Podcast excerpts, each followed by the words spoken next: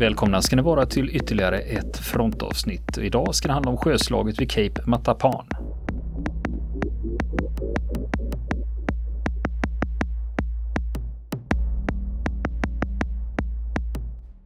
Det är så roligt där Niklas, för du är till viss del intresserad av sjöslag. Mm.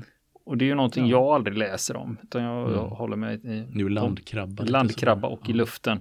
Eh, brukar de grejerna jag. Ja. Jo, nej, jag Jag kan kör. halka in lite på, eh, på den eh, sjökrigshistorien också. För den, den var ju, har jag varit intresserad av länge. Mm.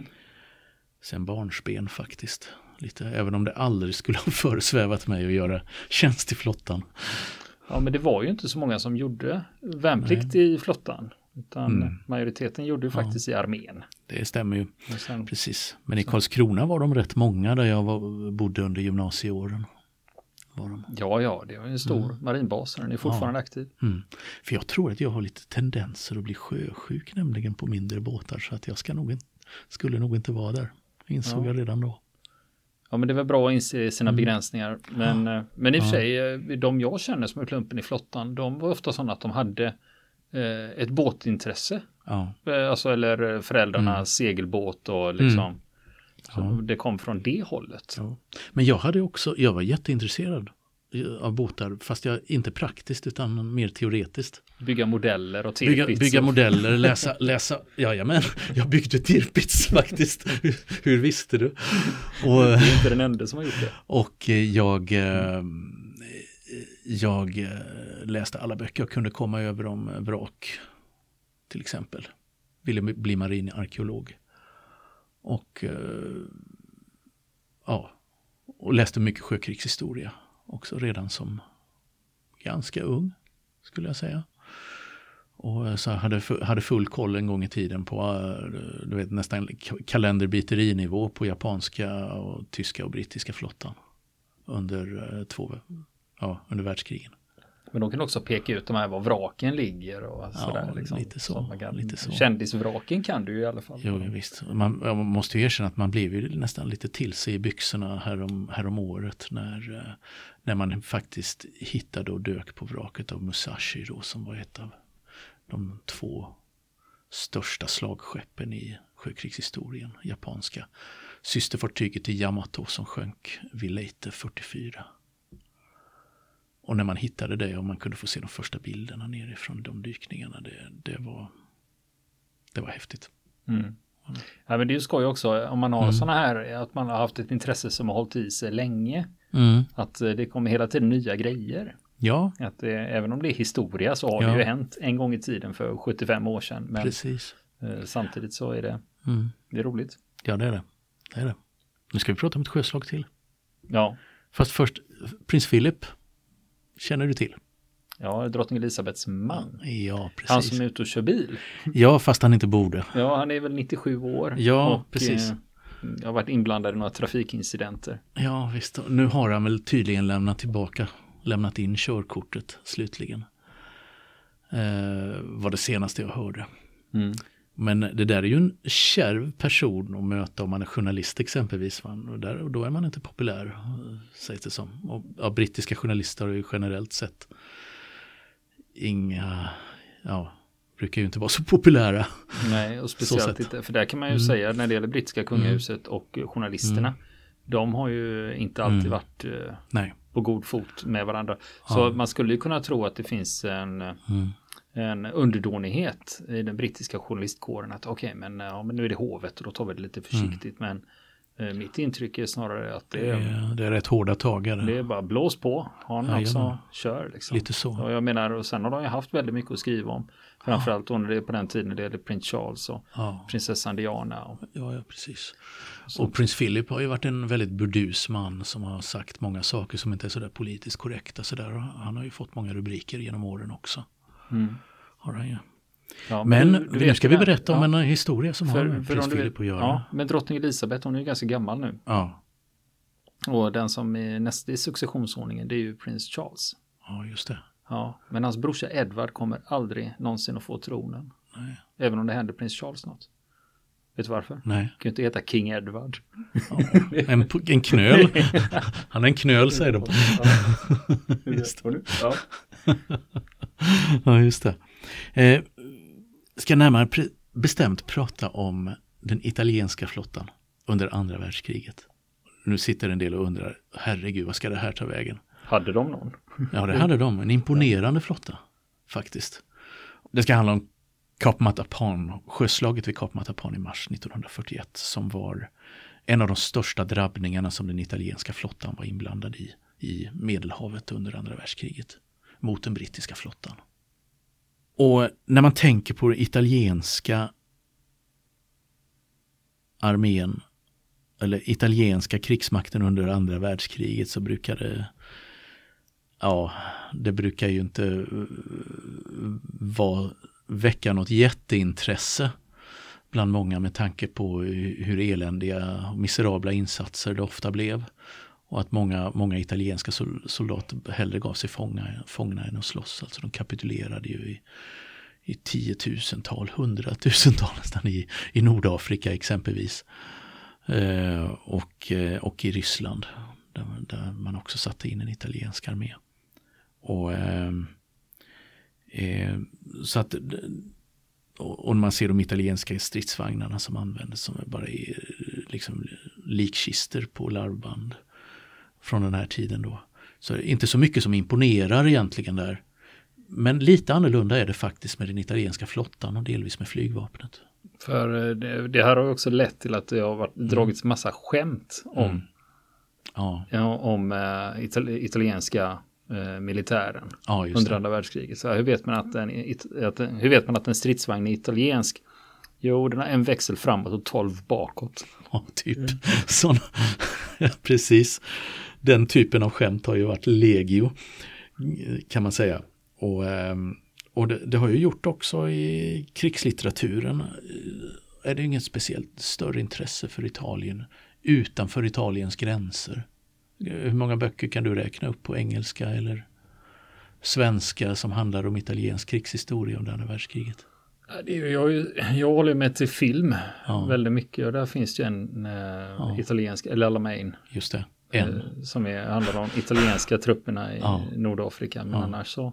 Nej, det är, rätt, det är rätt skralt. Det har liksom inte kommit så mycket utanför. Har det inte gjort för att det har inte väckt samma intresse som eh, de brittiska, amerikanska och tyska och ryska. Ja, men de har ju fått en biroll här va. Ja. Utan, eh, alltså i populärkulturen mm. så ser man ju dem att ja, mm. de, hängde på, de hängde på tyskarna där och det gjorde mm. inte så mycket väsen av sig. Nej, precis. Det känns precis. som att det inte har funnits så mycket att berätta. Nej. Nej, men det är klart att det finns mycket att berätta. Det är bara det att vi inte vet. Även om det inte gick så bra så finns det ju många spännande och intressanta historier att berätta om det. Ändå. Mm. Men, men, nu börjar du med italienska flottan då? Nu börjar vi med flottan då. Regia Marina som den hette. Vilket betyder kungliga flottan. Precis som Royal Navy. Då. Och, eh, och eh, eh, den var ju den hade ju funnits ända sedan Italiens enande i slutet av 1800-talet. Och eh, hade ju varit med även i första världskriget och stridit mot Österrike-Ungern i, i Medelhavet. Men eh, under, under mellankrigstiden då, under Mussolini, så genomförde man en stor modernisering av, eh, av flottan då. För att, med tanke på de stormaktsambitionerna som Mussolini hade då så gällde det att nu ska vi, vara, ska vi vara, bli jämbördiga eller en stor utmaning med de största flottorna i världen. Eh, mm, och, och då var det Royal Navy som det var, var Royal störst. Navy som var den största flottan i världen. Och eh, det var Royal Navy och den franska flottan som var som Italien såg som sina huvudfiender därför att de hade ju, var ju baserade i Medelhavet. Mm. Men de, där måste det också ha funnits mm. en strävan att försöka lägga mark under sig. Ja, alltså, ja. det här med... Mm. Ja, Mussolini man, hade ju som mål att dominera hela Medelhavet. Ja, Återupprätta det romerska riket. Ja, Mare Nostrum. Ja, liksom, vårt hav. Vårt hav då, Exakt. Exakt, och då fanns det ju hinder i vägen i form av andra stormakter. Då som Storbritannien då som världens största imperium då, med sitt kolonialimperium då. Och världens största flotta till följd av det då, som eh, även eh, då hade baser i Medelhavet. Och den franska flottan som också var väldigt stor och som också var baserad i Medelhavet i stor del. Och så fanns det ett internationellt avtal då på, när det gällde flottan. Eh, flottrustningar och sånt här då. Det hade tillkommit 1922 då vid en, vid en konferens i Washington då. Kallas för flottkonferensen i Washington i historieböckerna. Och där hade man då slagit fast att den italienska och den franska flottan den skulle vara jämbördiga då i, i total vikt när det gäller slagskeppen. Då.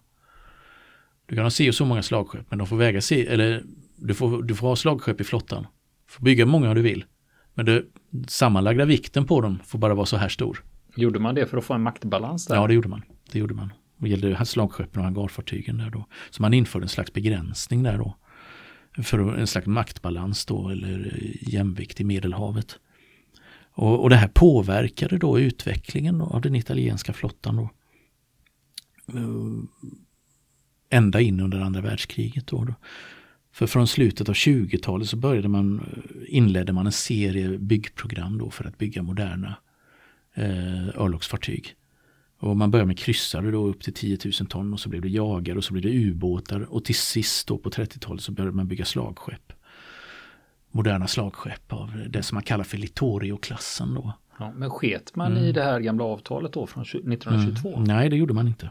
Så man höll sig inom ramarna? Man, man höll sig inom ramarna då till en början, gjorde man i stort sett då kan man säga. Eh, och de här nya skeppen de var ju ett svar på de, de brittiska och franska eh, örlogsfartyg som byggdes under den här tiden då. Att man ansåg att vi måste ha fartyg som är jämbördiga i artilleri och, och storlek och så vidare. Och eh, vad som skilde mot de franska och i synnerhet de brittiska var att italienarna de satsade på snabba fartyg med ett artilleri som hade större räckvidd än de brittiska. Och, eh, och eh, det gjorde man då för att filosofin bakom det var att när vi hamnar i strid med Royal Navy måste vi minimera närkontakten med de brittiska fartygen därför att de brittiska befälen och besättningarna är mycket erfarnare än de italienska. Så man visste att hamnar vi i strid på korta avstånd eller kortare normala avstånd så kommer den italienska flottan dra det kortaste strået. Det var man, det var man, eh, hade man insett. Mm, jag tänkte på de här mm. Italienska slagskeppen du nämnde mm. där, Littori. Ja. Mm. Littorio-klassen. Littorio-klassen. Ja. Om man skulle sätta dem mot en brittisk dreadnought eller något sånt, vad hamnar man då? Liksom? Ja, dreadnought är ju lite äldre. Mm. Första världskriget och eh, de, de, var ju långsammare men de hade grö, grovt artilleri och tjock bepansring. Och itali de italienska var ju motsatsen. De var snabba och hade kanoner med större räckvidd. Och eh, det hade också ett pris som jag kommer till strax. Då, att man gjorde på det sättet. Eh, det här då skulle, tanken med det här då, att ha kanoner som kunde, du kunde börja beskjuta fienden innan fienden kunde svara med sitt artilleri. Och sen var du snabbare än fienden och kunde dra därifrån eh, eller hålla sig utanför fiendens eh, räckvidd. Eh, tanken med det var att, det skulle kunna, att den italienska flottan skulle kunna, kunna gå i strid och dra sig ur när det behagade. Du skulle kunna slå till och sen skulle du kunna försvinna från platsen. Det skulle du kunna göra. Eh, och, och, som sagt, som jag sa, då träffa fiendens fartyg innan de kunde skjuta tillbaka. Priset för det här, snabba fartyg, tunga kanoner med lång räckvidd, vad blir priset? Det blir minskat skydd då, minskat ja. pansar. Ja, det, all, allting är ju en kompromiss, det vet man ju från stridsvagnarnas värld. Likadant är det i örlogsfartygens värld, att det är, en, det, är en, det är en kompromiss mellan vapen, snabbhet och skydd. Är det. Var lägger du tonvikten? Och man satsade på, ja, vårt skydd är hastigheten, inte pansaret. Så man satsade på en tunnare bepansring generellt sett då på de, på de eh, modernare italienska fartygen då som byggdes då under mellankrigstiden. Och eh, man hade då även några gamla slagskepp, fyra slagskepp från första världskriget. De moderniserade man också. Naturligtvis vid ett enormt moderniseringsprojekt under 30-talet. Då, eh, där man, eh, de hade naturligtvis bättre bepansring då. Men när man hade gått över dem så fanns det bara 40% av originalkonstruktionen kvar i de här gamla slagskeppen. Då. Man hade uppgraderat eh, både konstruktionen som sån, man hade uppgraderat artilleriet och man hade ersatt kolångpannorna då med oljepannor i dem och så vidare. Då. Eh, men trots den här moderniseringen då så kunde ändå inte de här italienska slagskeppen mäta sig med eh, de brittiska slagskeppen som skulle dominera under första världskriget, eller under andra världskriget av Queen Elizabeth-klassen då och slagkryssare av det som kallas för Renown-klassen. Eh, för bägge dessa hade grova kanoner och tjockare pansar. Så de hade en rejäl bestyckning och sen hade de bättre skydd än de italienska. Hade de. Eh, och förklaringarna då till att de ändå inte kunde mäta sig då. Man kan säga att om vi backar lite grann och så tittar vi på hur såg de ut? Det var ofta väldigt vackra fartyg. Italienarna är kända för sin design och det var man även på den här tiden då. att Man, man byggde snygga skepp och de var väldigt sjövärdiga. Väldigt bra konstruktioner i sig. Men de hade brister som skulle bli fullkomligt förödande under kriget. Och det handlar om teknik. Teknologi. Det pågick forskning om sånt som radar och sonar vid italienska universitet och militära forskningslaboratorier. Men det fanns liksom inget intresse i den konservativa militärledningen för att använda det här på de stora, på, på de stora örlogsfartygen. Man struntade helt enkelt i de här innovationerna gjorde man som britterna i sin tur satsade stenhårt på. Trots då att de hade kunnat förbättra de italienska eh, örlogsfartygens effektivitet på ett helt avgörande sätt. Det var framförallt en man som bar skulden till detta då. Och det var en amiral som hette Domenico Cavagnari. Han var marinstabschef från 1933 och sen blev han Mussolinis marinminister en tid senare. Så ingen radar, ingen sonar för att upptäcka ubåtar. Man hade inte heller modern avståndsmätning eller eldledningssystem. Trots att man hade satsat på ja. långskjutande kanoner exakt, då. Exakt. Så tycker man att det borde ju mm. hänga med. Liksom, vad ska ja. vi göra för att träffa på det här avståndet ja. då? Man förlitade sig på kikare. Typ. Kikare alltså optisk, ja, optisk, kan du upptäcka fienden optiskt då bekämpar vi honom. Men, eh, men inte på eh, de här teknologiska framstegen då som man hade gjort. Det, det avstod man från. Det ansåg man var, från marinledningen var onödigt. Så att när, när kriget då bröt, andra världskriget bröt ut så var, eh, så var Regia Marina tekniskt underlägset Royal Navy. Albert Kesselring, den tyske flyggeneralen som eh, sen blev fältmarskalk och överbefälhavare för axelmaktstrupperna i Medelhavsområdet. Eh, han kallar den italienska flottan, flottan för en vackert väderstyrka. Gjorde han, för de, de kunde inte operera effektivt i vare sig mörker eller i hög sjö. I, i storm. Då, då, då hade de inte ute att göra. Och eh, ändå så var då den italienska flottan när kriget bröt ut en imponerande styrka numerärt sett. Och det var den fjärde största flottan i världen. I början av andra världskriget. De hade sex slagskepp, de hade 19 kryssare, 59 jagare, 67 torpedbåtar och 116 ubåtar. Den tyska flottan hade ju bara en bråkdel av det här. Ja. När andra världskriget bröt ut. Mm, jag, till exempel. Jag tänkte på en mm. sak när du nämnde mm. det här med italienarna och eh, mm. tekniken. För jag har för mig mm. att de låg ganska långt framme när det gällde attackdykare. Mm. Det gjorde de. Det och sånt, de. att de hade utvecklat den tekniken. Ja, att den länder som attackdykare och små sjöstridskrafter var en spjutspets i den italienska flottan och skulle visa sig också vara en svår fiende att möta för de allierade under striderna i Medelhavet. Ja, med miniubåtar och grejer. Och, ja, bemannade torpeder, enmanstorpeder ja. och sånt. Eh, kommer till det lite grann. Jaha. Jag kommer nämna detta ja, ja. sen också. Eh, kommer jag göra. Men Italien var ju inte med vid själva krigsutbrottet 39 då, utan man dröjde ju med att gå in i kriget. Och man dröjde till eh, Frankrike höll på att vara på vippen att bli besegrat sommaren 1940 av Tyskland. Då gick man in i kriget 10 juni 40 för att kratsa åt sig lite kastanjer ur elden där då. De bästa bitarna. Man försökte ta bitar av södra Frankrike och det gick åt skogen direkt då. Italienska armén inblandat.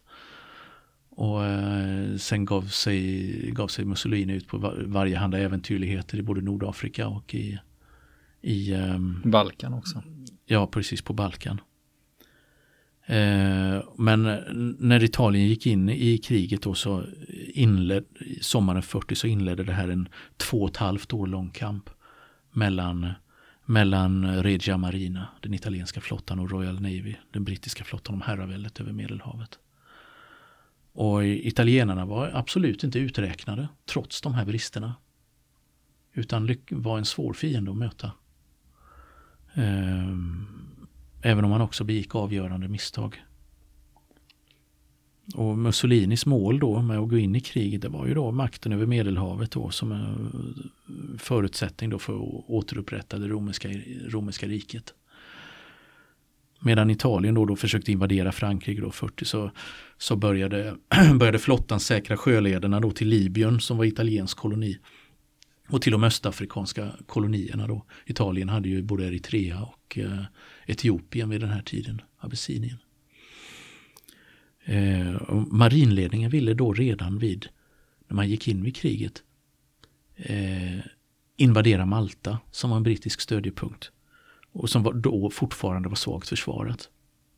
Men eh, det italienska överkommandot, Kommando Supremo, sa nej till det här då, till de här planerna. Och det var, blev ett avgörande misstag som skulle stå axelmakterna dyrt senare under kriget. Då, när det här blev då en, en eh, oerhört viktig stöd, stödjepunkt för eh, britterna i Medelhavet.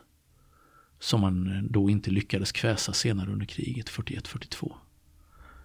hade man gått in redan 40 och besatt Malta så hade man knappt mött något motstånd. För det fanns, det fanns bara 42 luftvärnskanoner och 12 dubbeldäckare, jaktplan, Gloucester Gladiators. De har vi pratat om. Ja. Och hälften av planen var inte ens hopmonterade utan de låg i packlårar i hamnen. Mm.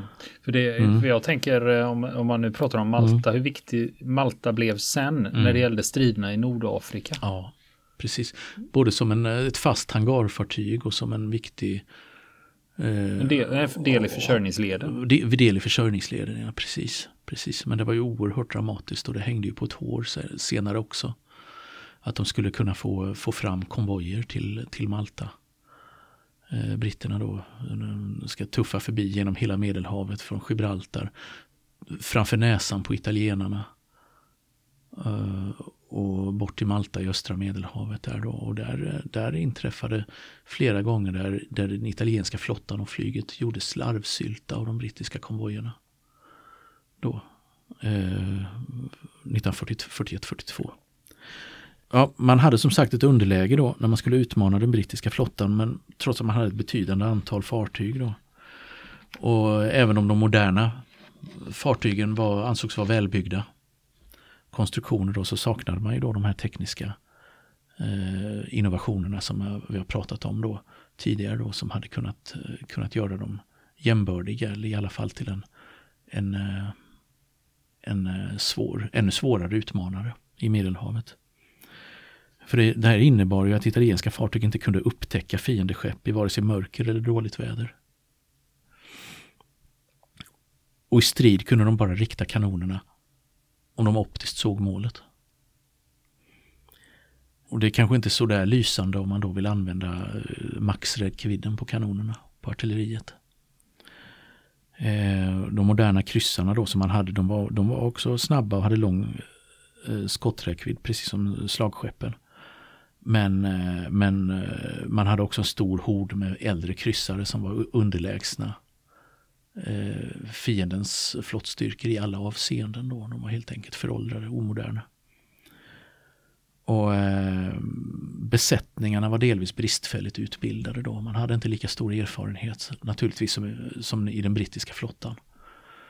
Eh, vilket inte är så konstigt med tanke på den enormt viktiga roll som Royal Navy hade spelat i århundraden vid det laget. Då de traditioner som fanns i, i den brittiska flottan och sjömanskap och så vidare. Dessutom en annan svaghet som man hade som drabbade den italienska flottan var råvarubrist. Då stål till exempel då, man hade stora problem med att bygga nya fartyg under kriget då. Man hade, man höll på att bygga två eh, hangarfartyg när kriget började och de blev aldrig färdiga. Det hade, kunnat, hade man kunnat bygga dem färdiga så hade det klart varit en stor tillgång för den italienska flottan. Eh, att kunna möta, möta när man mötte britterna som i sin tur hade hangarfartyg grupperade i Medelhavet. Och det här då, den här råvarubristen och, och eh, att du hade svårt att bygga nya eh, fartyg gjorde att man var väldigt försiktig med de fartyg man hade. För, tänkte, för, att de inte skulle gå förlorade. Då. Nej, för jag, jag var in, eh, funderade nämligen mm. på det. Eh, just när du sa att de var ändå mm. världens fjärde största. Mm. Och då kan man ibland bli lockad till att men, vi har så mycket fartyg. Ja, att det, liksom, vi kan offra vi, lite också. Vi kan offra lite mm. liksom. Men ja. den inställningen Nej, man, man, man, var, var väldigt, man var försiktig var man. Väldigt försiktig. Men de brittiska amiralerna vid den här tiden, till exempel då den brittiska amiralen som, eh, som ledde medelhavsflottan, då, han kunde operera eh, Eh, med sina stora styrkor, han kunde operera självständigt från marinledningen i London. Eh, I stor utsträckning då kunde följa allmänna direktiv men besluten var hans på plats. Då, för han förde ju befälet över flottan där eh, och kunde operera självständigt i ganska, ganska stor utsträckning. Men i den italienska flottan fungerar det lite annorlunda just på grund av den här försiktigheten bland annat. Då, att varje viktigt beslut måste du förankra hos marinstaben i land. Mm, precis. Och det här gjorde ju då att, och det här gällde även i stridssituationer då, att, och det kunde ju leda till att när du skulle gå i strid då, för det, de, för marinledningen ville ha eh, avgörandet i sin hand. Ska vi gå in i den här striden och riskera att offra några fartyg eller ska vi avstå?